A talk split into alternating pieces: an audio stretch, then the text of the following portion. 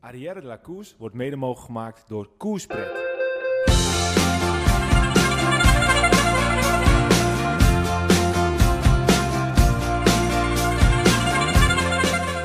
Je luistert naar ADL Koers. De komende podcast drinken we koerspret met leuke gasten en luisteren we naar bijzondere verhalen. Vandaag deel 3 in onze koerspret drinken met reeks. Zo Wilco, goed dat je er weer bent jongen. Ja. Ja, vorige Was- keer eh, hadden je gemist man. Ja, ik was er niet bij. hè. Ik was verhinderd. Ja, dat is mooi, hoor. Maar is, ik heb eh, hem eh, teruggeluisterd. Het was een erg leuke podcast. Ja, kijk, dit is weer een super gezellige setting. En de vorige keer zaten we, even uitleggen voor de mensen, we zaten dus in een soort van, eh, nou, in een fietsenwinkel. Maar die hebben een soort cafeetje ernaast gemaakt. En hadden ze een grote, grote garagedeur gemaakt. Maar er zat een hele grote kier zat erin. Dus we zaten nog net niet buiten. Het is gewoon dat we... Het tochten een beetje. Ja, ja, dat had wel wat. joh. Het was echt een, beetje- het was een beetje... eh, Stond het ook vol met, eh, met fietsen waar jullie stonden, het, waar jullie zaten? het stond echt extreem vol met fietsen. Ik heb natuurlijk altijd mijn grote podcasttas bij me. Ja, Peter heeft het altijd over je fietsen. Dus ja, dan ga je erheen. Dan Ja, je natuurlijk ook dat wikkelfiets. fietsen Ja, er staan. Mooie fietsen, alleen alle huurfietsen stonden ook binnen. Dus we moesten letterlijk en figuurlijk zichtsommen er doorheen. Dus uh, ja, is Dat is leuk. Het tactiek, echt, hè? Ja, dat je ze allemaal ziet, even aan moet raken. En, eh, Ja, ja dat, het was leuk en het was een mooie plek. Dus als mensen nog een nieuwe fiets eh, zoeken, Beats Bastards, Egmond. Ja, ik ben blij dat ik er weer bij ben. Zin in. Ja, we hebben eh, volgens mij een eh, hele toffe gast vandaag. Zeker, zeker. Daar gaan we zo natuurlijk even iets dieper op in. Hey, maar we hebben sowieso wel toffe dingen op de planning staan de komende tijd. Want eh, ja, we, gaan, we hebben al vaker een evenementje georganiseerd. En, eh, en dat gaan we dit jaar, wat, nou, eigenlijk volgend jaar gaan we dat wat grootser doen. Want we gaan namelijk in het eh, Bolletjescafé in eh, Warme Huizen gaan we iets organiseren. En dat doen we samen met echt best wel een eh, unieke groep dames. Het is een groep ja, fietsende dames uit Warme Huizen. Eigenlijk kunnen we ze een beetje onze vriendinnen noemen. Dus dat is ook wat we voortaan ook gaan doen. En ja, die hadden op een gegeven moment ons benaderd. Omdat ze vonden dat er ja, niet per se meer vrouwen in de podcast moesten. Maar ze vonden het wel leuk om ook het dameswielrennen op, ja, dat zou ik het zeggen, op eh, ja, niet amateurniveau. Maar ja, je snapt wat ik bedoel, recreatief ja, niveau nog meer moesten promoten. Toen zeiden we, nou ja, dan komen we er toch gewoon een keertje langs. En toen is er een soort van evenement eh, uit ontstaan. En ik kan je wel eventjes een berichtje eh, laten horen van Marion. Die heeft ons eh, vandaag een bericht gestuurd, want ze heeft er veel zin in. Dus nou, luister, laten we daar maar even naar gaan luisteren. Hey Michiel, heb je er al zin in? Voor wie het nog niet weet, op 17 februari wordt in het Bolletjescafé in Warmehuizen door Arrière de la Cours en de Roomsoesen een wielercafé georganiseerd. Meer informatie over de avond en de kaartverkoop volgt binnenkort. We hopen veel van jullie luisteraars dan te ontmoeten. Nou, tot de 17e dan. Ja, ze zegt tot de 17e dan. 17 februari, Warme Huizen Ja. in het legendarische Bolletjescafé. Destijds is dat eh, helemaal in bolletjesstijl geschilderd, omdat Steven Rooks natuurlijk eh, de bolletjestrui won. Ja. Dus eh, daar gaan we naartoe. Maar eh, ja, goed, Ja, dat het is... is super tof, hè? Het is ook gewoon een soort ode hè, aan, aan het, aan het vrouwenwielrennen. Ja, nou ja, Dat is zeker. nog steeds best wel een onderbelicht iets, hè, Ja. het vrouwenwielrennen. nou, dat, dat denken wij dat wij af en toe veel fietsen, maar, maar, maar die dames zijn dan schaatsen en het fietsen. En eh, ja, fantastisch. ja, dat was goed. leuk. Ik sprak laatst met mijn werk een van die vrouwen. Ja, dat was echt heel leuk. Was online was dat. En ze zegt er, ik ken jou al. Ik, eh, waar ken je mij nou weer van? Nou, van Arrière de la Cours. Kijk. We gaan binnenkort een evenement doen. Ik denk, oh, jij bent ook van de Roomsoes. Ook de Roomsoesie, ja. Ja, ze Ja. was super enthousiast. Dat, kan een, echt, dat gaat één groot feest worden. Ja, nou ja, zeker, zeker. Hey, maar first things first. eh, Peter, we zitten vandaag weer... eh we moeten weer niet zo heel ver te reizen. Vorige keer zei jij het verre Egmond. Nou, dit keer eh, moesten we lekker dicht bij de deur. Nu is de helft van de afstand van de afstand. We moesten iets rustiger rijden, want het leek wel een ijsbaan op de weg. Ja, we zijn niet bij een schaatser. Nee, we zijn niet bij een schaatsen. Want, eh, ja, want wat- ten eerste is het misschien even goed om te zeggen... wat gaan we vandaag drinken, Peter? Want Ja, dat is, eh, wat- is toch wat- de koers bij drinken met Ik heb wat koerspeks meegenomen. We hebben blond bier op tafel staan en wat gingerbier met alcoholvrij. Dus degene die moeten rijden, of moeten allemaal alcoholvrij, denk ik. En de rest die gaat aan de, aan de blond bier vandaag. Lekker. Gingerbeard. Gingerbier. Ja, dan kom ik zo met een rode baard thuis. Dus, eh, Precies, ik even proeven. Heel goed. Oké, ja, we hebben natuurlijk al aangekondigd een aantal keren in de afgelopen podcast dat we een wereldkampioen in de podcast zouden hebben. Nou, kwamen natuurlijk mensen, ja, wie komt er dan? En, ja, maar eh, dat zegt het al maanden nu, komt? Annemiek in de podcast. Of, eh, maar helaas niet minder waard. We hebben Jury in de podcast. Ja, Jury Havik vorig jaar bij ons podcast geweest. toen nog geen wereldkampioen. Toen nog overigens. geen wereldkampioen. En toen een beetje geintje natuurlijk gemaakt van kom je weer als je wereldkampioen bent. En ja, Hier is hij. belofte maakt schuld. Hè? Ja, nee, ja, hartstikke leuk dat ik weer ben. Ja, Ik denk dat het eh, heel goed gegaan is sinds de laatste keer dat ik bij jullie was. Ah, Dus, we, eh, we hebben geluk Ja, dat is nog een understatement. ja. Precies. Maar goed, Precies. de drempel wordt gelijk hoog gelegd. Ik dus weet niet ja, wat je volgend jaar allemaal wil gaan winnen. hè, maar, eh, ja, veel beter kan niet eigenlijk. Dus. nee, precies. precies. Ja, het is super tof dat we een, eh, een wereldkampioen in onze podcast hebben. En, Ja. eh, namens de podcast moeten we je denk ik ook nog steeds feliciteren. Ja, Dus zeker. dank je. Dat hebben we net al gedaan, maar eh, Hebben we echt van genoten. Dus ja, ja tof. echt, echt heel erg van genoten zelfs. Ik vond het echt mega vet. Maar, maar leuk dat, je, dat we hier bij jou eh, aan de tafel mogen, mogen zitten, Juri. Hey, en ehm, deze reeks ehm, is iets anders dan de vorige keer. Dus we hebben, dit is de derde in de reeks Koers bij Drinken Met. En we beginnen eigenlijk steeds met een aantal keuzes. Het is of het een of het ander. En eh, nou, die gaan we ook gewoon even met jou doen. Om even, nou, het ijs hoeven we niet te breken, maar eh, wel om eventjes eh, gewoon eh, erin te komen. Dus laten we maar gaan starten. Ik zou zeggen, eh, bier of wijn? Eh, wijn, rode wijn. Ja? Ja? eh. Oh, Peter? Ja, Ja, dat is toch goed. Ja, dit blonde Geef biertje van Peter komt gewoon op hoor. Maar, eh, Ja, maar toch- principe, toch meer de eh, wijn, eh, ja, ja. ja? En heeft dat ook gewoon een reden of vind je het gewoon, eh, gewoon lekker? daardoor? Nou, gewoon dat ik bier niet zo lekker vind. En rode wijn eh, wordt in mijn familie veel gedronken. En dat heb ik eh, leren drinken, zeg maar. En eh, ja, ik vind rode wijn lekkerder dan bier. Ja, Ja. Nou ja, ik bedoel, eh, niks mis mee toch? Ik Nee. eh, zou zeggen, en heb je dan nog een voorkeur, een primitivootje of zo? Of een, eh, Nou ja, als je een cadeautje krijgt en het zijn Barolo's, dan weet ik wel dat het goed is. kijk, kijk, kijk, ja. En verder ben ik ook echt geen kenner of zo, maar het is ook meer zo van ja, bier vind ik eigenlijk niet zo lekker, ja? meestal. Ik hoop dat deze koerspret wel lekker is. Ja, die is heerlijk, die is heerlijk. En ja, op stap, eh, dat gebeurt natuurlijk ook niet zo vaak, maar na het WK bijvoorbeeld, ja, dan drink ik gewoon Bacardi Cola, gin tonic en dan eh, gaat het lekker snel. Ja, precies. ja. maar eh, ja, een rood wijntje vind ik dan echt wel lekker bij het eten of zo. Oké, oké. En ik heb Eh, begrepen dat dan de gekste dingen gebeuren als er van alles ingaat. ja, je wordt maar één keer wereldkampioen. Dus, eh, Tuurlijk, misschien. tuurlijk, tuurlijk. Is het perfecte excuus. Ja, ja, ja. Oké, eh, koffie of thee? Eh, koffie. Ja, Ja, gewoon ja. puur Ben- ook omdat het een beetje stimuleert? Of, of, ja, precies. Ik denk wel, ik ben wel een echte wielrenner. En eh je zit tussen de drie en de vier uur eh, bezig bent en je kakt een beetje in. eh goede dubbele espresso erin. Dan eh, zijn die laatste twee uurtjes toch wat makkelijker. ja, precies. En ja, je drinkt gewoon best wel vaak koffie. En ook gewoon voor de gezelligheid denk ik echt Nederlands. Van ja, even een bakkie. Ja, tuurlijk. En ja, dat, dat is heel vaak. En dan drinken we altijd koffie. Geen Ja. Oké. Eh, demareren of wieltjes plakken? Ja, demereren. Alleen soms is het verstandiger om nog even wieltjes te plakken. Ja? Maar in principe wel demereren. Ik ben van, van huis uit wel snel. Ik denk dat Peter mij nog Ja. kent van eh, de junioren, dat ik wel echt een sprinter was.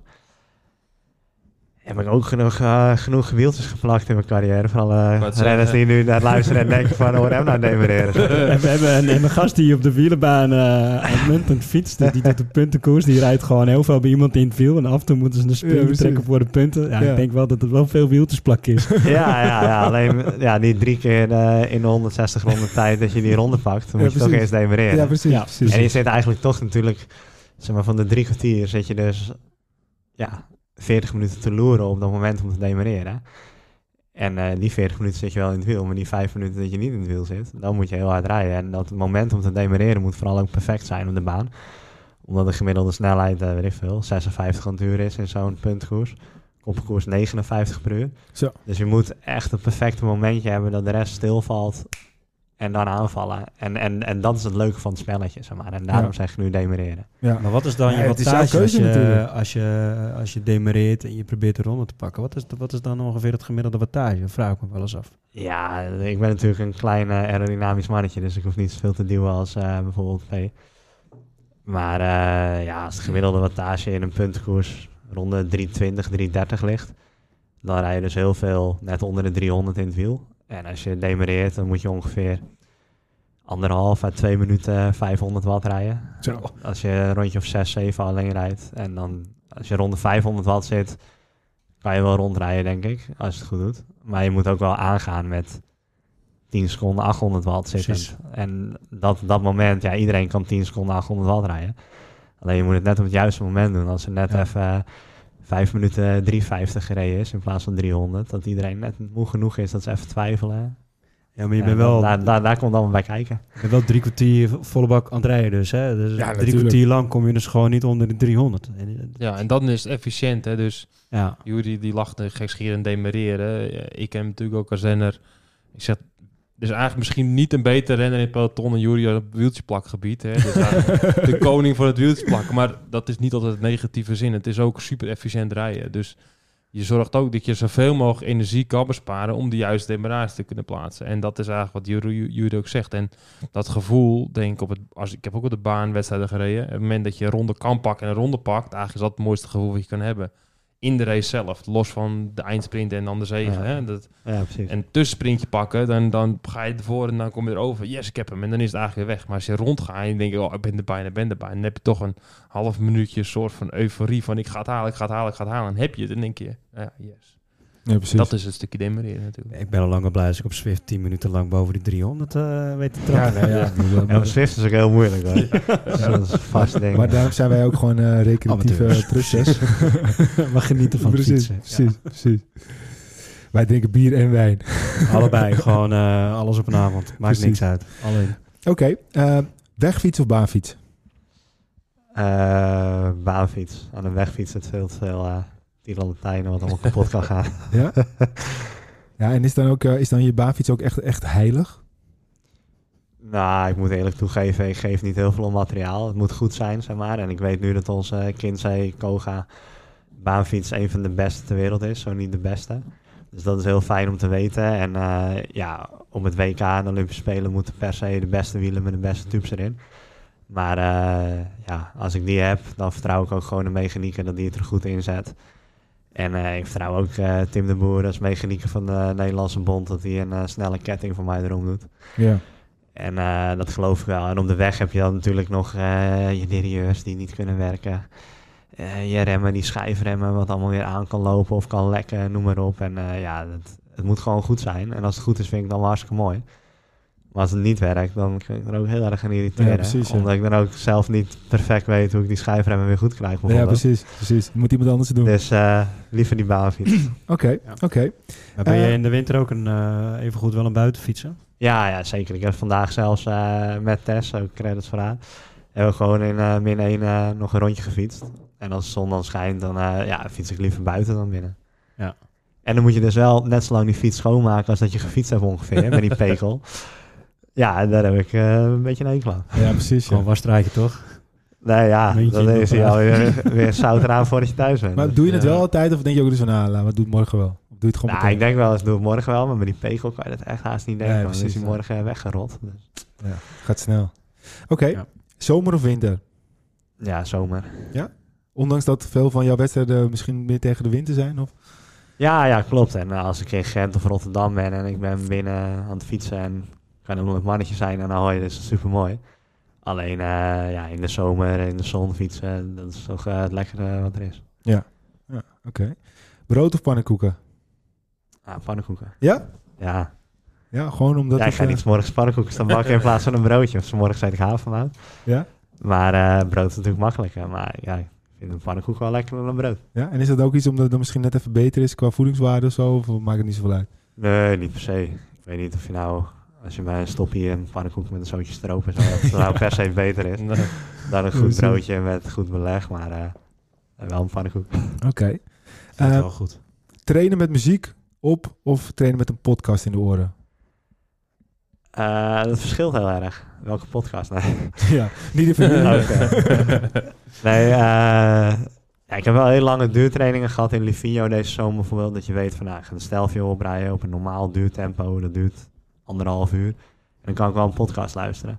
Maar met eh, een intervaltraining of een baantraining, enkele keren als je dan muziek op hebt op de baan, meestal niet op de baan.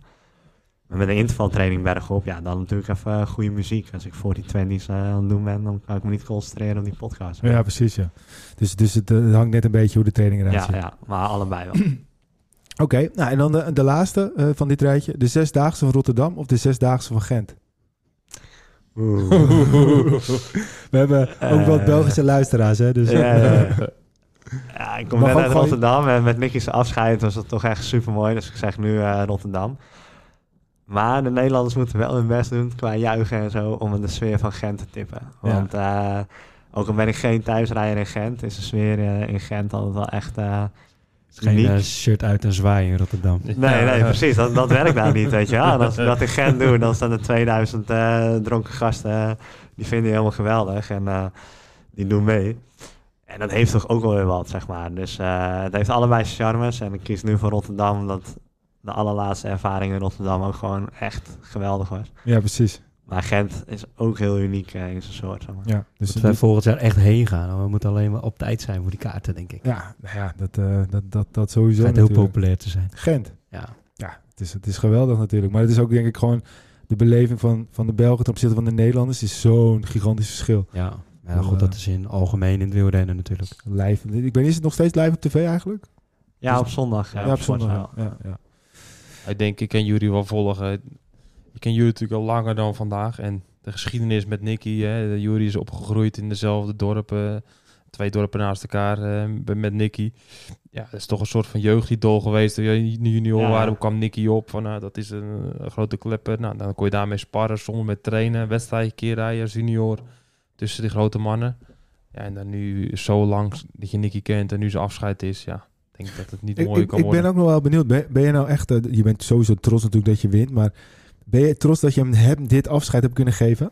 Ja, ja zeker. Kijk, wat Peter zegt, uh, toen wij junior waren, was Nicky wel echt op zijn top. Is hij een voorbeeld, et cetera. En dan woon je allebei in Aston-Delft. Hij trainde vaak met mijn oom. Uh, ik mocht ook meteen mee trainen. Ja, dan is dat iemand waar je aan kan optrekken, zeg maar. Maar het gaat eigenlijk zelfs nog wel verder terug eigenlijk. Dat ik bij de jeugd met DTS begon. En hij junior was. Ja, dan waren Reinier Ronigers eigenlijk het mannetje. Die was dan wel beter dan Nicky in het begin.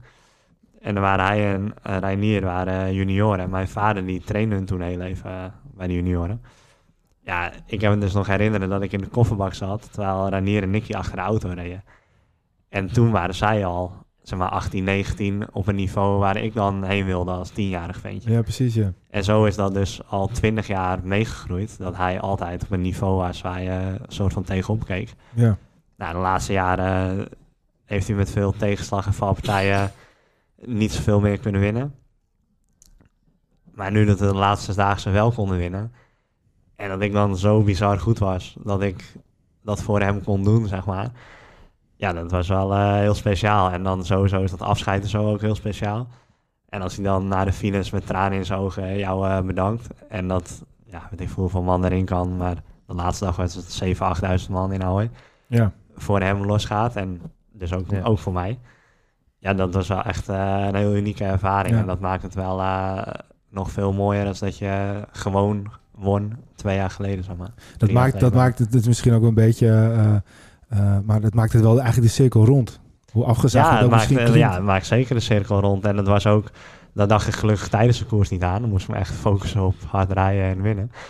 Maar na afloop was het ook wel echt zo van ja, ja, dit was het dan. En straks in het voorjaar ga je in april tv kijken en dan doet hij niet meer mee.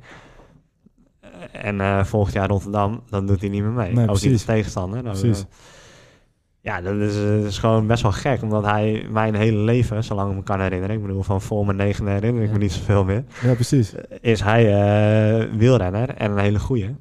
En iemand waar je aan kan optrekken. En dat, dat is nu zeg maar definitief uh, afgelopen Ja. eigenlijk. Ja, en jij hebt dat laatste hoofdstuk geschreven met hem in zijn boek. Ja, Dat- ja dat en dat, als je natuurlijk dat dus uh, dan even uh, bij stilstaat, dan is dat uh, heel Ja. uh, bijzonder. Maar Ja. Het vond ik heel tof dat hij het ook uh, van de zomer al gevraagd heeft of hij met mij mocht rijden. Ja. Ja. Ja. ja, dat begrijp ik. Dat lijkt me ook echt, een- echt een enorme eer. Ja, maar Nou. toen gaat die aanloop een beetje, ik wel leuk is voor de luisteraars. Hè? Dus uh, zesdaagse komt eraan, worden koppels gevormd. Hoe gaat het niet algemeen? Hè? Dus ja, Nicky die, die vraagt eens, nou Joes, zullen we zesdaagse rijden? Ja, in dit geval werd ik eigenlijk gebeld door de organisatie. Dat, uh, ja, Nicky heeft om jou gevraagd. Dus ik zei, ja, vet, cool. Ja, ja, want het zou ook wel eens afscheid kunnen worden. Want het was toen nog niet 100% zeker dat het ging stoppen. Ja, ik zei daarom, uh, ja, super cool. Ja, ja, maar dan is het niet met Jan Willem. Nee, dan is het niet met Jan Willem. Daar stond ik op dat moment nog even niet bij stil. Ja. Ja, wat zal die ervan vinden? En dan, ja, dan moet dat zo even een beetje afgewogen worden. Maar ja, de organisatie wilde heel graag dat Nicky met mij reed. Uh, wij wilden dat allebei graag. Ja, dan, uh, dan gebeurt dat gewoon. Ja. Dan is Nicky wel iemand die ook wel uh, iets voor het zeggen heeft. Zeg maar. Ja. Ja, precies. Maar is het dan zo dat de organisatie van tevoren dan gewoon wat namen uitzoekt? Van nou, die zouden we wel graag op de zesdaagse willen hebben. En dan hebben ze Nicky uitgekozen. Van ja, uh, het lijkt ons wel tof als Nicky uh, bij ons op de zesdaagse komt. En aan dan daarvan gaat Nicky op zoek naar een uh, sparringspartner. Ja, min of meer. En ook de Zesdaagse zelf heeft wel uh, bijvoorbeeld Nicky dan al een driejarig contract gegeven. Ik kom er natuurlijk al tien jaar eigenlijk wel elk jaar. Dus die hebben wel gewoon een lijstje van... Oké, okay, we hebben deze renners, deze mogelijkheden. Uh, ja, vorig jaar was ik Europees kampioen samen met Jan Willem. Zouden ze ja. dat zeker niet uit elkaar gehaald hebben. En had Nicky anders met Kenny de Ketelen gereden. Maar zo'n grote wegrenner als Nicky wil ze dan natuurlijk ook een heel goede partner geven. Zoals vorig jaar dan bijvoorbeeld Kenny de Ketel had Ja. geweest. Ja. En ja, zo, zo regelt de organisatie dat eigenlijk. En de renners zelf hebben normaal niet zoveel te zeggen. Maar ja, iemand als Nicky, die eh kon wel mij vragen. Ook omdat het dan zijn laatste keer was. En wij gewoon als vrienden graag samen wilden Ja. rijden. Ja. Want op dat moment wist hij nog niet hoe goed ik nu ging zijn. Op het moment dat ik wereldkampioen werd, eh, werd hij onwijs gestrest en eh, ging hij onwijs hard trainen. Omdat hij... Ja, dat is mooi. Hè? Dat is- ik, ik wil graag met Jury fietsen. Ja, niet weten dat hij wereldkampioen zou worden. En jij gaat harder fietsen, nog harder fietsen, nog harder fietsen. Ja, Ja, je ziet dat eh, hoe dat dan thuis zit. Ja, kut zeg, hoe gaan we dit oppakken? Ja, Ramona heeft me de wel gezegd van, eh, van het moment dat ik wereldkampioen werd, dat Nicky weer nog meer druk voelde van, kut, het moet nu wel goed zijn. En weer nog harder gaan trainen is alsof het echt eh, de Ronde van Vlaanderen was, eh die zesdaagse, zeg maar. Ja, en daar heb ik wel onwijs eh, respect voor, dat ik zich nog één keer zo erop voorbereid heb, twee, eh, twee maanden lang. Ja, dat is ook tekend voor de persoon. Hè? Het is een winnaar, hè? Dus dan, eh, Ja, precies. En als je maar even merkte van, eh hey, we zouden wel eens kunnen winnen, is je er echt eh, nog extra Ja. hard aan gaan trekken. Ja. Want, want het is mooi, want eh, ik vind het heel mooi, want je, je, je zegt met heel veel zelfvertrouwen, ik ben gewoon heel goed. Ik ben gewoon echt een fucking Ja, goed. dat bleek nu de zeggen. afgelopen week, Nee, maar dat dat- ik vind nog niet. Ja, maar dat vind ik gewoon, vind ik gewoon mooi ook om dat uit te spreken. Van ik, ik ben gewoon, ik ben gewoon op dit moment zo ontzettend goed. Misschien het beste ooit wat je bent. Denk je dat je Ja, dat- dat denk ik wel. Ik denk niet dat ik Ja, maar je moet de situatie ook even. Hij zit, we zitten hier aan een tafel. En Jury zit in de hoek. Hij heeft zich zo gedraaid en hij zit gewoon continu zit hij naar die trui te kijken. Hè? En dat, is ook gewoon Ja, die zie ik continu. niet natuurlijk. Nee, jij ziet hem niet, Nee, maar Jury precies. zit daar gewoon de hele tijd naar te kijken. Ja, natuurlijk ben ik goed. Ja, ik, trui, draai je zo. dan Ja, die trein moet nog ingeleid worden, maar ook mooi in het nu. Ja. Ja, precies. precies.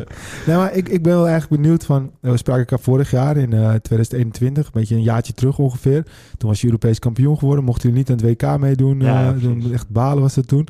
Toen, toen, toen was je ook natuurlijk al supergoed. Maar wat is dan in dat, in dat jaar gebeurd dat je nog zo'n stap hebt kunnen zetten? Nou ja, vorig jaar werden we natuurlijk ook Europees kampioen dan. En ik denk, ja, we mochten het WK niet rijden, maar dat het toen ook wel een soort van aan zat te komen.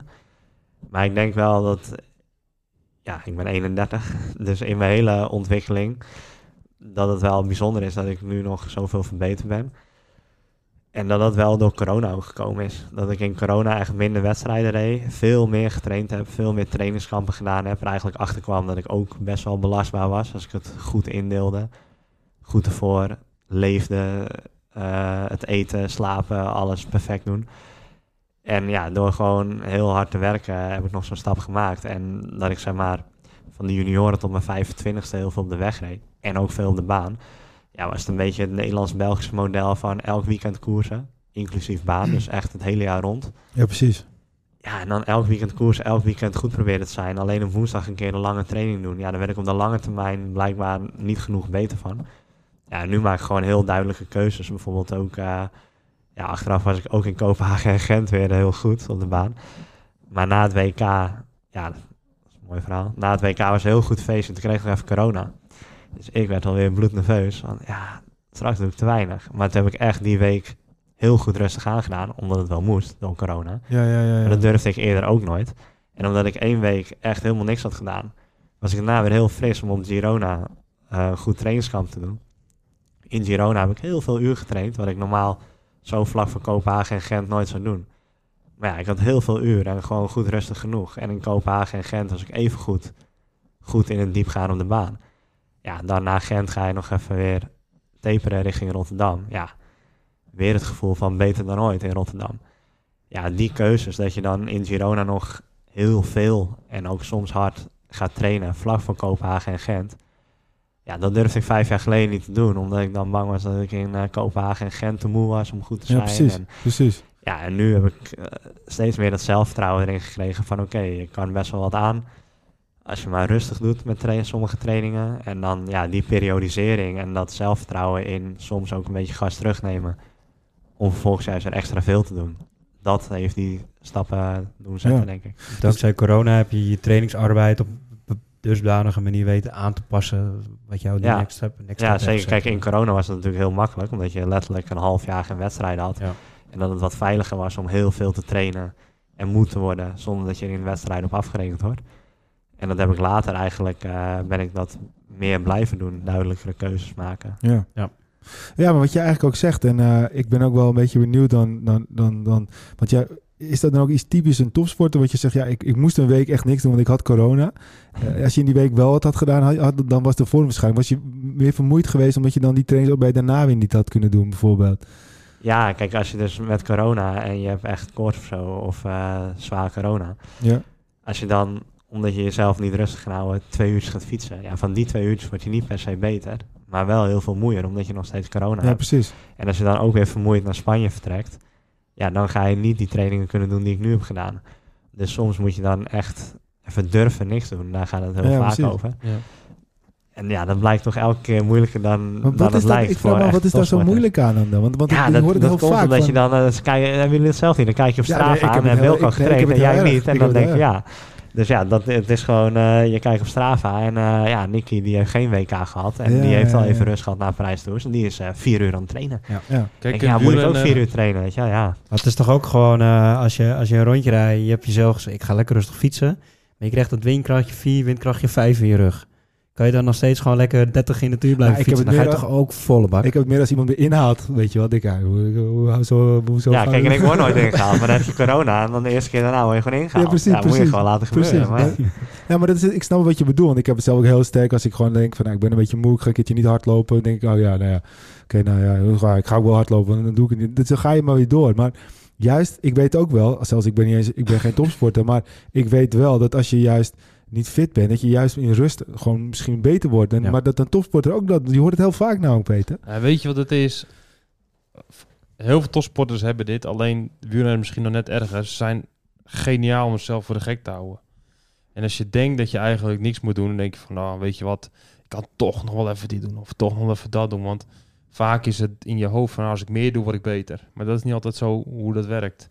En ik en Jury komen nog een beetje uit een tijd, de juniorentijd, dat het net even anders was dan het nu is. Nu is het veel wetenschappelijker, er is veel meer bekend, veel meer gedaan. Dat je eigenlijk nu al jonge jongens kan zeggen, dit moet je doen, dan word je goed. En dan gaan ze precies per persoon kijken hoe je beter wordt. Kijk, voor mijn geval was het net alweer anders dan bij Jury. Ik kwam heel langzaam, ik kon heel veel hebben.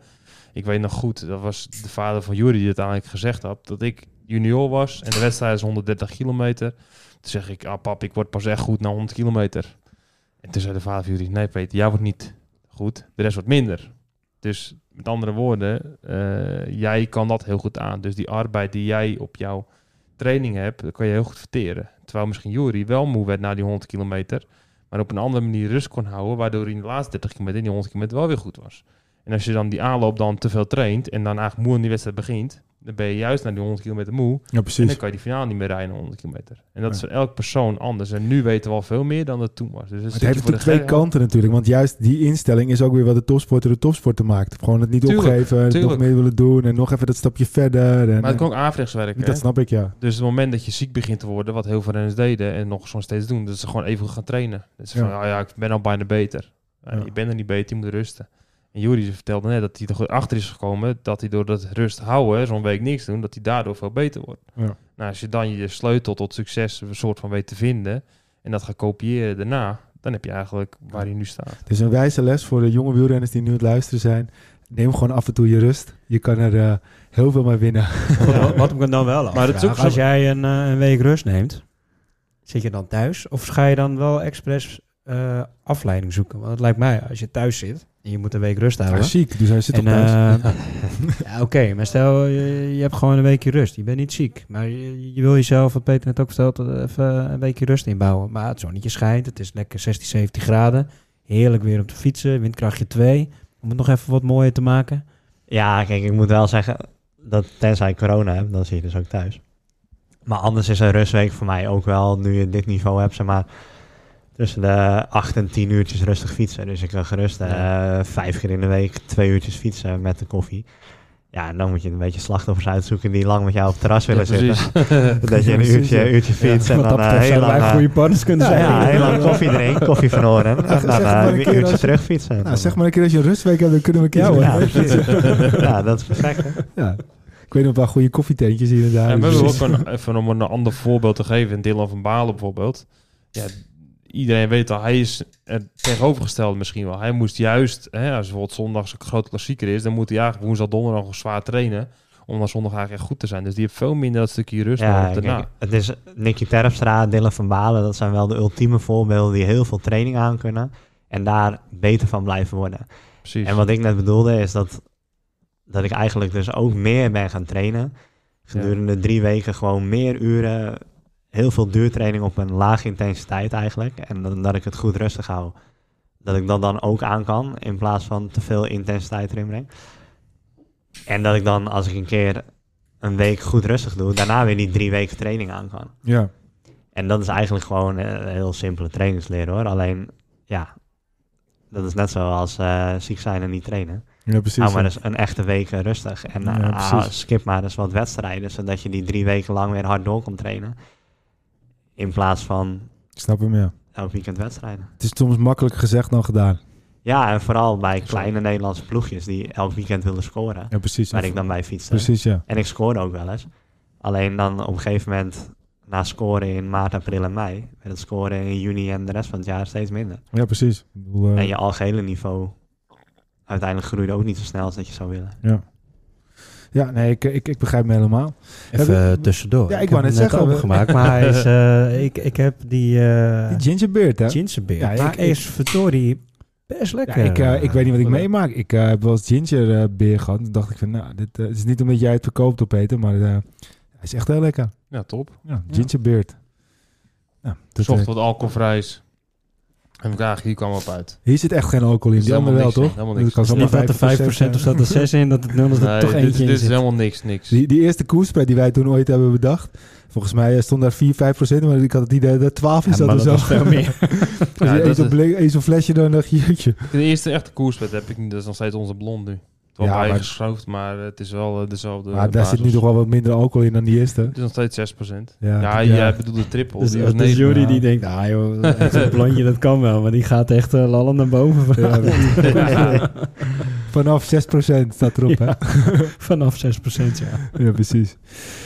Oké, oké. nou, we waren natuurlijk eigenlijk nog steeds een beetje bij het een of het ander. Maar eh, we zijn er mooi al aardig eh, doorheen eh, eh, gegaan. Dus eh, ik, eh, eh, ik was eigenlijk een beetje benieuwd van... wat, wat, kijk, we hebben natuurlijk wel heel diep erin gegaan. Maar als je me gewoon even... We zitten nu op het eind van het jaar. We zitten bijna eh, tegen kerst. Wat, wat was 2022 voor jaar voor je? En dan bedoel ik eigenlijk meer van... Hoe heb je het in zijn algeheel beleefd? Ja, kijk, het zal altijd het jaar blijven waarin ik wereldkampioen werd. En heel misschien word ik nog een keer. Maar eh, ja, we hebben het net over hadden dat ik ten eerste dus beter heb leren trainen eigenlijk in heel corona. Heb ik ook begin dit jaar eigenlijk weer een soort leren winnen op de baan. Dus in januari, februari ik al wat kleine wedstrijdjes in Zwitserland voor de UC-punten op de Omnium vooral. Ja, en als je dan naar Zwitserland gaat voor twee dagen is het vaak ook een puntenkoers. En zo heb ik eh, ja, best wel. Ik heb iets van 12 UC-wedstrijden gewonnen dit jaar. Puntenkoersen, omniums. En soms helemaal niet zo heel goede tegenstand.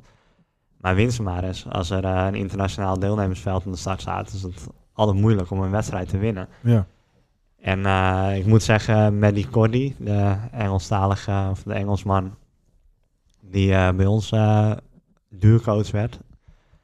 Ja, die heeft mij daar echt wel toe gepusht. Zo van, ja, reis dan maar en ga maar winnen. Ja, en ik had zoiets van, ja, ik moet gewoon heel hard trainen, waar we het net over hadden, om beter te worden. En dan uiteindelijk waar die regenboog verdient hoor, daar wordt heel anders of harder gereden. Maar toch eh, naar hem geluisterd en heel veel kleine wedstrijdjes gereden en heel veel wedstrijdjes gewonnen. Ja, en ik denk dat dat wel dit jaar een heel goede opbouw was met in het begin van het jaar veel kleine wedstrijdjes. Soort eraan wennen dat je wint op de baan. Eh, dan op een gegeven moment in eh, mei en juni wat meer de weg op. ZLM toen Ronde van België achter elkaar door. Nou, dat ging ook hartstikke goed. Wat top 10 plekken op de weg in de ZLM Tour.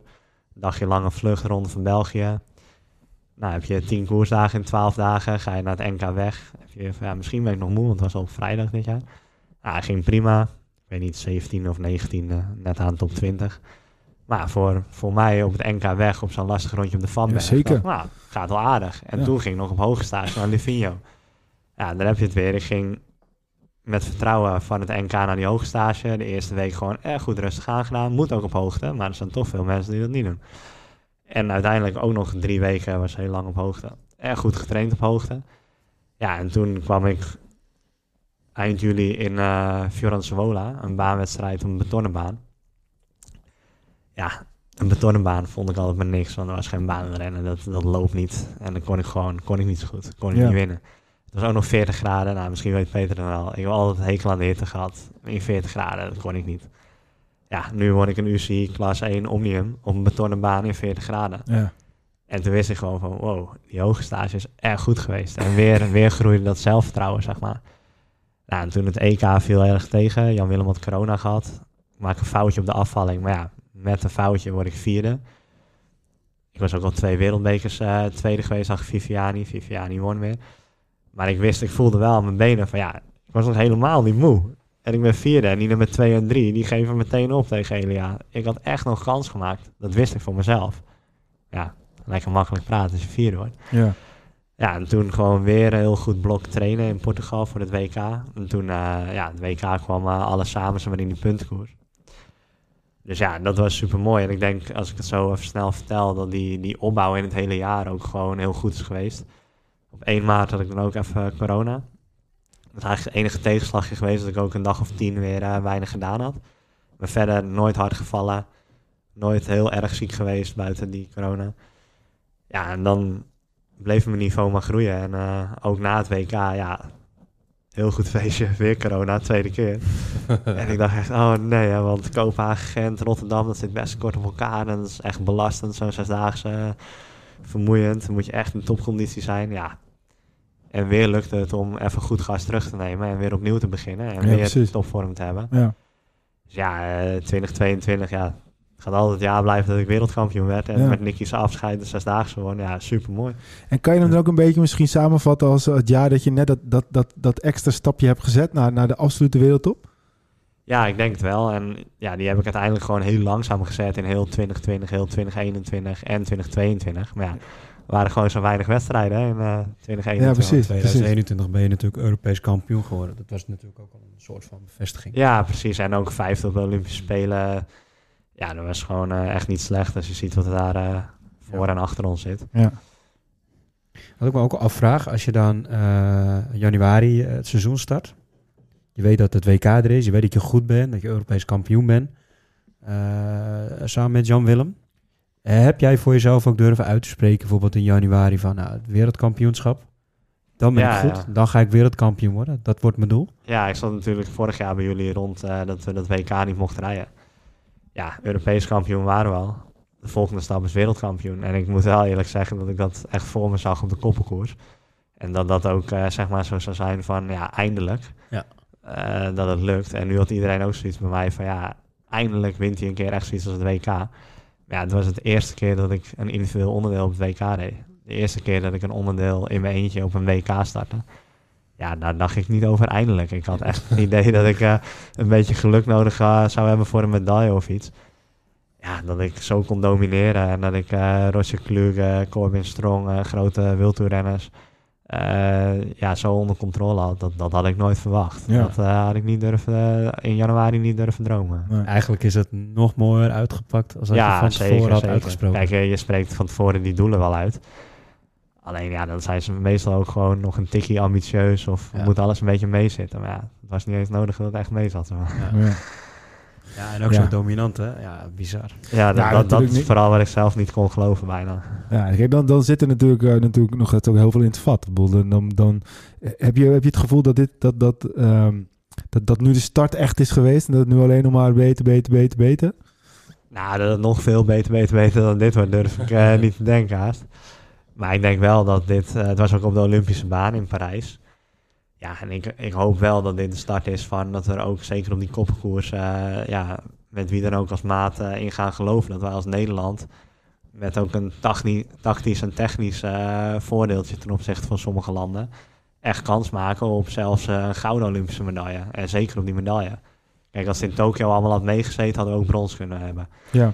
Maar winnen of tweede had er niet in gezeten. Nee. En ik geloof nu wel dat als we ja, nog anderhalf jaar zo doorgaan, dat er heel eventueel zelfs een gouden medaille in zit. Ja, en dat je daar zelf eh, enigszins in gelooft, dat geeft alleen alweer zoveel motivatie om anderhalf Ja. jaar keihard te trainen en zo. Ge- Gebeurt er wat in je lichaam als je, als je, als je, als je daaraan denkt? Ja, je- ja, dan krijg je wel weer Krijg je zin dan, in. eh, Zeg maar. krijg je Dat dan is, weer zo'n kriebeltje? Of, eh, ja, eh? precies. Dan, ja, dan- precies. ja, kan het buiten vriezen of kan je moe zijn van eh zesdaagses. Maar ja, dan eh, heb je alweer zin om er hard voor te gaan. ja, lijkt me echt een super vet. En dat is ook natuurlijk een fantastisch doel om daar naartoe te werken. En Wie gaat die maat zijn dan? Ja, dat is de vraag. Eh, in principe gaat het met Jan Willem eh, ging het heel vaak heel goed. Maar Vincent Hopperzak die doet eh, nu ook heel hard eh, Ja. stappen zetten. Die zet echt grote stappen. Eh, ik ga tussen eh, kerst en oud en nieuw met Dylan van Balen in Kopenhagen rijden. Ja. Die gaat ook punten halen. Ja, die jongen die eh, toont ook ambities. Ja, Ja, voor eh, ook eh, richting Olympische Spelen, die ambitie? Ja, ja, je wil wel die punten halen in Kopenhagen om eventueel een wereldbeker te rijden. En als we die wereldbeker zouden rijden, ja, dan gaat het ook niet puur alleen om die wereldbeker, maar misschien eventueel eh, uiteindelijk om te spelen. Ja. En dat is bijvoorbeeld in zijn geval natuurlijk nog ver weg. Met Jan Willem ben ik ook een keer op de Spelen geweest. Met Vincent Doppelzak eh heb ik ook al gereden en die heeft ook echt veel potentie. We hebben ook nog Philip Heijnen in de groep. Ja, ik moet zelf ook nog maar eh, laten zien dat ik... eh, Nou, het is ook wordt gewoon een beste soort twee, van, hoor. net zoals met schaatsen, een soort, een soort, soort skate of wie in het wiel van uh, Jury ja, mag zitten nee, ja, uiteindelijk... wat, voor, eh, wat voor soort renner heb jij nodig naast je om, om, om echt die absolute top te bereiken? Nou ja, kijk, dat is natuurlijk eh, moeilijk te zeggen, maar Ja, die absolute ligt- top heb je al wat natuurlijk. ja, maar het ligt, het ligt een beetje aan de medaille te pakken, eh, ja. Het ligt een beetje aan hoe de koers evolueert. En de laatste eh, WK zie je wel dat zeg maar, ja, ik ben snel, ik pak wat punten. En dan ben ik meestal hopelijk ook nog slim genoeg om het juiste moment te zien om rond te rijden. En dan pats, pa- rijden we één keer rond. Sta je eh, bovenaan de laatste WK. Ja, en dan de laatste 50 ronden wordt het gewoon één lange tijdrit naar de finish rammen. Ja, daar zou op papier Jan-Willem van het Schip in heel goede vorm gewoon heel goed in zijn. Maar misschien ook wel Dylan van Balen heel goed Ja. in kunnen zijn. Eh, Vincent is meer zo'n type als ik. Maar ja, als je twee keer zo pad heel snel rond kan rijden met een explosieve inspanning, dan is het ook genoeg. Ja. Dus ja, dat, dat ligt Voor een beetje aan is de wat te koers. En zeggen, dat ja. weet je van tevoren niet. Voor beide is wat te zeggen. Ja. Maar eh, ja, wat ik net zei, ik noem nu al best wel wat namen op. Zelf moet ik ook nog maar bij de beste twee zien te blijven. En eh, blijven bevestigen van hoe goed het nu gaat. Nou, Ja, het is, om het het- een beetje, een beetje duiding te geven. Hè. Dus je hebt een koppelkoers, dat belt met twee renners in de baan. Dus je hebt verschillende soorten type renners die je in zou kunnen zetten. Je zou dus twee, hè, twee lange soort van tijdrijders, om het even tijdrijden en een sprinter te noemen. Tijdrijden iemand die heel lang hard kan rijden. En een sprinter. Nou, dan kun je of twee tijdrijders neerzetten, of twee sprinters, of een tijdrijder en een sprinter. En zo heb je verschillende soorten combinaties mogelijk. Ja. En net ook afhankelijk van wat voor op de baan rijdt. Dus stel je voor dat twee sprinters rijden voor een ander land. En die pakken elke keer die puntjes, die pakken die puntjes en die gaan mee rond. Dan staan ze in de eindranking boven jou eigenlijk in de uitslag. Als alle teams eigenlijk één tijdrijder en één sprinter hebben, dan moet die sprinter zorgen alle puntjes te pakken. En die tijdrijder kan een rondje rond. Ja, die kan misschien makkelijker rondrijden dan weer die sprinters. Nou, en dat is precies de puzzel hoe je dan dat moet leggen op dat moment wat dan eigenlijk goed is. Hè? Ja, Heel plat gezegd eh, voor de gros van de luisteraars om er dan een beetje duiding Ja. te geven. Kijk, Jury is echt een sprinter. Als die dus een soort van nou, type tijdrijder als weet je, Jan wil van het schip, deel van balen naast hem hebt, heb je net even een andere jongen dan als hij een kopie van zichzelf zou hebben. En dan kan je op twee paarden, wil ik ook zeggen, nou, ik ga blijven een beetje puntjes pakken en ik ga af en toe sluit aan voor een ronde. Ja, dat is een keuze die je maakt. Ja, maar kijk, kijk hoe, hoe, hoe vet is het op dit moment dat er gewoon te, te kiezen is, toch? Ik bedoel, eh, er zijn ook bijvoorbeeld Ja, jaren ja, geweest, het is, het is heel, heel goed voor het hele Nederlandse bouwen. Dat er inderdaad meerdere opties zijn. Ja, dat is iemand als Dylan van Balen mij zelf opbelt en eh, ook weer die ambitie toont. Dat geeft ook aan eh, ja, hoe, hoe waardevol zo'n Olympische medaille is. Ook voor zo iemand die net de Parijs-Roubaix heeft gewonnen. ja, precies. Ja. precies. En iemand die nu verkast van Ineos naar Jumbo en alsnog heel graag eh, dit ook wil gaan doen. Ja. Denk je dat dat mee te maken heeft dat Jumbo bijvoorbeeld misschien juist zegt van... ehm, we willen je ook misschien een beetje vrij laten in, in, in het ontdekken van andere dingen? Of dat ontdekken is misschien bij hem een groot woord, maar dat hij ook andere dingen mag doen? Of? Nou ja, ik, eh, ik heb Marijn Zeeman eh, of met Wijboer uh, niet gesproken. Dat doet Dylan zelf. Ja, Misschien Maar, gebeurt het over een jaar wel. Nou ja, kijk, eh, bijvoorbeeld Wout van cross natuurlijk ook. Ja. En daar hebben ze natuurlijk goede ervaringen mee. En dat helpt wel mee. Ik denk dat ze tien jaar geleden misschien eh, iets meer huiveriger tegenover hadden gestaan. ja, precies. Maar aan de andere kant, bij Ineos heb je ook eh Ethan Hater, Filippo Ganna die dat ook deden. En toen deed Dylan het niet. Dus uiteindelijk moet het altijd bij die renners zelf vandaan komen dat je daar gemotiveerd voor Ja. bent. En ja, ik vind het dus super vet dat zo iemand die tweede op WK weg, tweede in Vlaanderen, Roubaix gewonnen heeft, weer zin krijgt in baanrennen, mede door mijn wereldtitel Ja, puntenkoers, zeg maar. Ja. Dat, dat vind ik heel vet. En dat is voor het Nederlandse baanrennen denk ik heel vet dat we nu weer ja, keuze hebben. In plaats van dat het voor, vrij ver voor Tokio al redelijk duidelijk was. Tokio was natuurlijk ook een jaar uitgesteld, maar dat Jan Willem en ik gingen rijden. Ik denk dat het sowieso ja, het beste is voor het land, als, ook voor mij, om beter te blijven worden. Dat ik competitie heb van die andere jongens. En ook voor hun om beter te worden, dat ze competitie hebben van ook buitenaf. Dus Ja, ja, we het in het begin van de podcast over. Hè? Eh, vorig jaar was hij bij onze podcast, werd hij wereldkampioen. En misschien zit hij volgend jaar wel bij Jumbo-Visma in de ploeg. Nou ja, dat, je haalt nu eigenlijk de niet. vraag En een beetje bij Jan Een fiche Nou, al toch Jumbo's. ook van, misschien spreekt hij volgend Ja, jaar maar, eh, maar Zeeman misschien wel. eh, goed om die vraag even te stellen. Want ik, wat je merkt, dat, eh, dat steeds meer, met name World Tour teams, ook wel wat ander soort rijders in hun eh, selecties nemen. Die meerdere dingen kunnen doen. zien we eigenlijk ook een beetje met Milan Vader natuurlijk. En, Ja, eh, zoals- Jumbo-Visma, die heeft straks, als Dylan inderdaad ook echt die baan eh, rennen wordt, dan hebben ze op alle disciplines hebben ze een Maar, Jumbo-Visma maar, renner maar, zou je dat, zou je dat als, dat, als je dat gevraagd wordt, zou je dat ambiëren? Want ze hebben nog een plekje vrij moment, dat zag ik. Dus, Oh. Voor de baan, hè? Dus wat puur focus. voor de op- baan. Nee, ja, kijk, het, het moment dat Jumbo zegt van eh, wij willen graag een Olympische medaille halen en jij moet er ook bij komen en dan gaan we jou faciliteren voor het baanrennen. Ja, als die vraag zou komen, dan hoef ik niet na te denken. Ja. Dan, eh, dan spring je een gat in de lucht als ze dat willen doen. Moet je, kijk, ik denk het niveau van Jumbo-Visma op de weg, eh, dat heb ik niet.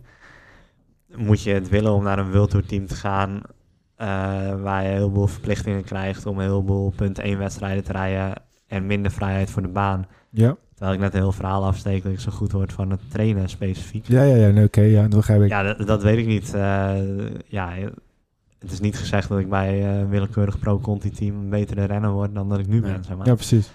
Jumbo-Visma is natuurlijk wel een ander verhaal. Dat is zo'n hoog niveau. Daar zou ik waarschijnlijk ook mijn niveau nog weer kunnen opkrikken. Ja. Nou ja, je ziet het ook bij Wout van Aert. Je hoort het ook aan het verhaal van Milan Vader. Dat, ze hebben hem niet gehaald per se voor de weg, maar ook echt wel voor de mountainbike, zeg maar. Dus het programma wordt wel dermate afgestemd wel de dat hij... potentie natuurlijk in hem, maar... Ik Zeker, maar je het bedoelt, programma ja. wordt ook wel afgestemd dat hij op de mountainbike zeker niet gaat Ja, inleveren. maar het zou misschien, en nu, nu praten we misschien iets wat helemaal niet realistisch is, maar met, met een schaatsteam en een, en een wielerteam en dan iets meer het veldrijden, mountainbike, het zou niet raar zijn als ze die stap zouden maken. Want het Nee. wordt natuurlijk wel, door jullie successen, ehm, wordt het wel steeds populairder. Ja, gelukkig wel. Dat zie je ook in zo'n zesdaagse eh, hoeveel publiek er komt kijken. Ja, en het is natuurlijk ook pas van kort geleden dat ik in één keer die wildtoerrenners eh de baas was op de baan. Ja, eh, wie weet, eh, eerder heb ik al gedacht van ja, waarom zouden wij niet een plekje krijgen bij bijvoorbeeld de opleidingsteam van Jumbo? Ja. Omdat je dan ook een heel uitgekiend programma voor de baanrenners zou kunnen rijden. Ja. En in België met Topsport Vlaanderen gebeurt dat bijvoorbeeld wel. Dat daar gewoon standaard vijf of zes baanplekken zijn Ja, precies. bij een pro-team. Ja, dat missen we in Nederland eigenlijk wel. Zo'n precies. voor Vlaanderen die pro-conti rijden en eigenlijk gewoon de baanrenners hun ding laat doen. En het ook support dat ze op de baan rijden. Ja, dat missen we. Ja. Hoe, hoe werkt dat eh, in het baanwielrennen? Eh, kijk, als we het schaatsen pakken. Het is algemeen bekend, een jaar voor de Olympische Spelen, dus een pre-season. Het is niet wenselijk om dan naar een andere ploeg over te stappen. Omdat je dan eh, een nieuwe ploeg, je moet wennen. Het gaat allemaal net wat anders. Dus zegt ze, ja, het is best wel een gevaarlijke stap om naar een andere ploeg over te stappen. Dat bij het baanwielrennen ook zo? Of ben je dan ook heel erg gebaat bij, nou, ik zie het nu bij deze ploeg. Moet ik gewoon via volhouden. Want hier kan ik echt, echt die, die opbouw eh, creëren richting de Olympische Spelen. Of is het allemaal wat soepeler, wat makkelijker, een overstap? Nou, niet, niet per se vier jaar. Maar wat je net zegt, van ja, ik denk wel dat je idealiter niet eh, zeven, acht maanden voor de Spelen over wil stappen. En bijvoorbeeld bij Beat, eh, ja, bevalt het mij nu heel goed dat ik redelijk de vrijheid krijg om te kiezen van daar wil ik wel op de weg rijden, daar niet. En ook naar hun toe dan weer ook wel duidelijk moet zijn vanuit mijn kant van hier kan je weer een topvorm verwachten en hier kan je verwachten dat ik weer een beetje in ga komen. En alles gericht op de baan. Ja, als er in een, een of andere jumbo-achtige ploeg komt die je die vrijheid wil geven en dat je je volledig op de baan op de Olympische Spelen kan focussen in 2024 en daaromheen een paar heel mooie etappekoersen zou kunnen rijden. Ja, dan zou je het misschien Ja, wel doen. Ja. Maar een ander Conti-team dan Beat, ja, daar zie ik op dit moment de meerwaarde niet van in. Het moet meer de toegevoegde waarde zijn aan de begeleiding. Nee, dat snap ik hoor, maar Om, om je, bij schaatsen hechten ze er heel veel waarde aan. En, Ja, en dus Nee, maar- is meer trainingsopbouw. Ik denk wat Judy ook zegt, hij weet wat hij moet doen om goed te worden. Als er dus iets op het pad komt wat hem beter zou kunnen maken in de faciliteiten eromheen, dan zal je dat misschien kunnen Nee, maar natuurlijk, ik bedoel, we, we, we leggen je ook niks in de mond hoor. Ik bedoel, Nee, dat, nee. straks eh, dat jij eh, ondankbaar overkomt. Want ik, eh, dat is ook helemaal niet bedoeld. Maar wij, wij zijn natuurlijk een beetje de, de, de soms eh, romantische wielervolgers die dan denken, oh hoe vet zou het zijn in een Ja. Jumbo-Visma shirtje daar eh, samen met Dylan van Baren straks. Maar ik begrijp ook gewoon dat jij op dit moment super blij bent met je ploeg en dat je die ook heel dankbaar bent, Ja, lijkt mij. Dus dat is ook... Zou je dat uit is de voeten puur- kunnen komen op een velo? Gaat jullie.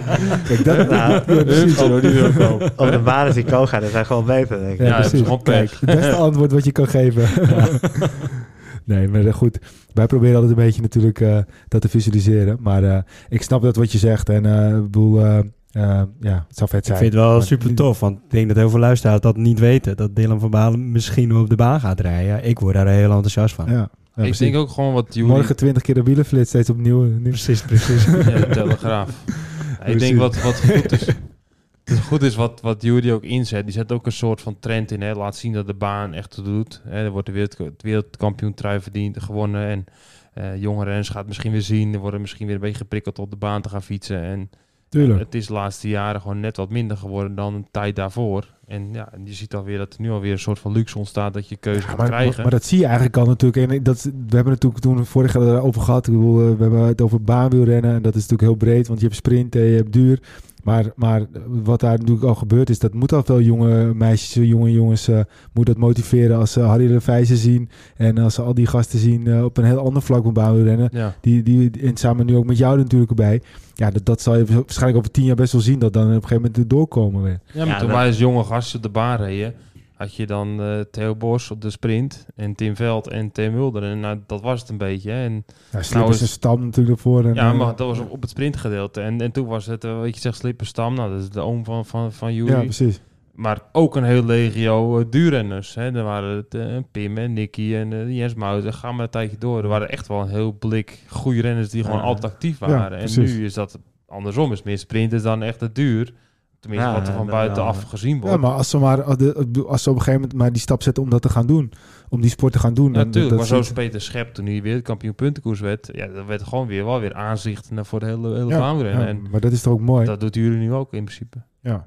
Hey, ik eh, had nog een andere vraag staan en dat vind ik eigenlijk wel, eh, ik ben gewoon wel even benieuwd. Eh, voor ons is, is, is heel veel dingen verbazingwekkend, maar heb jij in 2022 wel over iets eh, verbaasd? Dat je dacht van, nou, dat ik nu dit, eh, dit zo mee heb gemaakt in het wereldje, dat, dat, dat had ik nog niet meegemaakt. Oeh, Moeilijke vraag, hè? Ja. Kan Eh, ook gewoon nee zijn, hè? Van nee, ik, heb, ik verbaas me nergens meer over. Dat kan ook natuurlijk. Nee, dat, dat is eigenlijk wel, ik verbaas me nergens meer over. Nee. Hoe gekke dingen er ook gebeuren, je hebt al, al bijna gekke meegemaakt in wielrennen. En zeker ook eh, in corona. Maar eh, ja, waar ik me over verbaas... ja...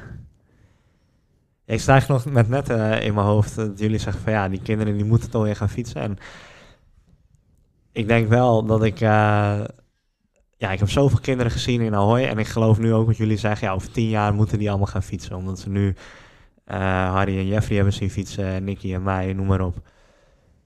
Maar de afgelopen jaren in corona, er waren natuurlijk bijna geen kleine wedstrijden. Hier op Alkmaar, er gebeurt bijna niks meer. Ja. Ja, daar heb ik me in, in die zin wel verbaasd vorige winter. Dat wij, wij mijn schoonvader, eh Carlo en Kees en Toom hebben zelf een wedstrijd georganiseerd. De D6 Cycling Night. Bij de baanselectie heette die al gekscherend GP Juri Avik.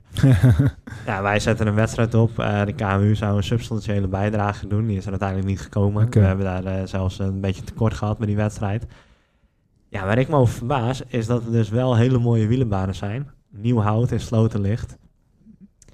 Een hele mooie baan in Apeldoorn ligt, waar dan gelukkig een EK gaat komen in 2024, vlak voor de Olympische Spelen. Super mooi. Een baan in Alkmaar ligt, waar nu ja, eh, nieuwe kleedkamers, et cetera, omheen gebouwd gaan worden, zeer waarschijnlijk. Hele renovatie komt. Maar wedstrijden zijn er niet. In Alkmaar precies. niet, in Amsterdam niet. Er zijn bijna geen kleine wedstrijden. De dinsdagavond koppelomniums, waar Peter en ik als junioren tegen Peter Schep konden rijden. Als die mannen overdag al vijf uur getraind hadden en s'avonds ook nog even moesten rijden, kon ik ze zelfs alles verslaan. Ja, weet je hoeveel motivatie dat gaf? Als ik ja, eh, eh, mijn eigen oom Danny Stam, eh Nicky Terpstra, Peter Scheppen een enkele keer een sprintje kon verslaan op dinsdagavond. Ja, nu rijd ik nooit meer een wedstrijdje op dinsdagavond tegen de huidige junioren. Want die wedstrijdjes zijn er niet. Nee, precies. Ja, daar verbaas ik me wel over dat er dan niemand is of het niemand lukt om dat op te pakken. Ja. Ja, wat is daar dan de en- reden van? Ja, heel moeilijk. Dan werken Alkmaar ja, Vitrix en Alkmaar Sport elkaar weer tegen bijvoorbeeld. Weet ik veel hoe dat allemaal precies zit. Maar ja, die zesdaagse is twee jaar niet geweest. Nu was je er gelukkig wel weer. en Je ziet gelukkig een heleboel kinderen die hopelijk allemaal ook weer gaan baanwielrennen. Maar de afgelopen twee jaar in corona, ja, er was geen UCI-baanwedstrijd. En als wij zelf niet die wedstrijd hadden georganiseerd afgelopen februari op Sloten, dan had ik niet die WK-trui kunnen hebben, want dan had ik dan niet kunnen starten op het WK. Omdat tussen het vorige WK, wat we al gemist hadden, en het huidige WK weer geen UCI-wedstrijd in Nederland werd georganiseerd.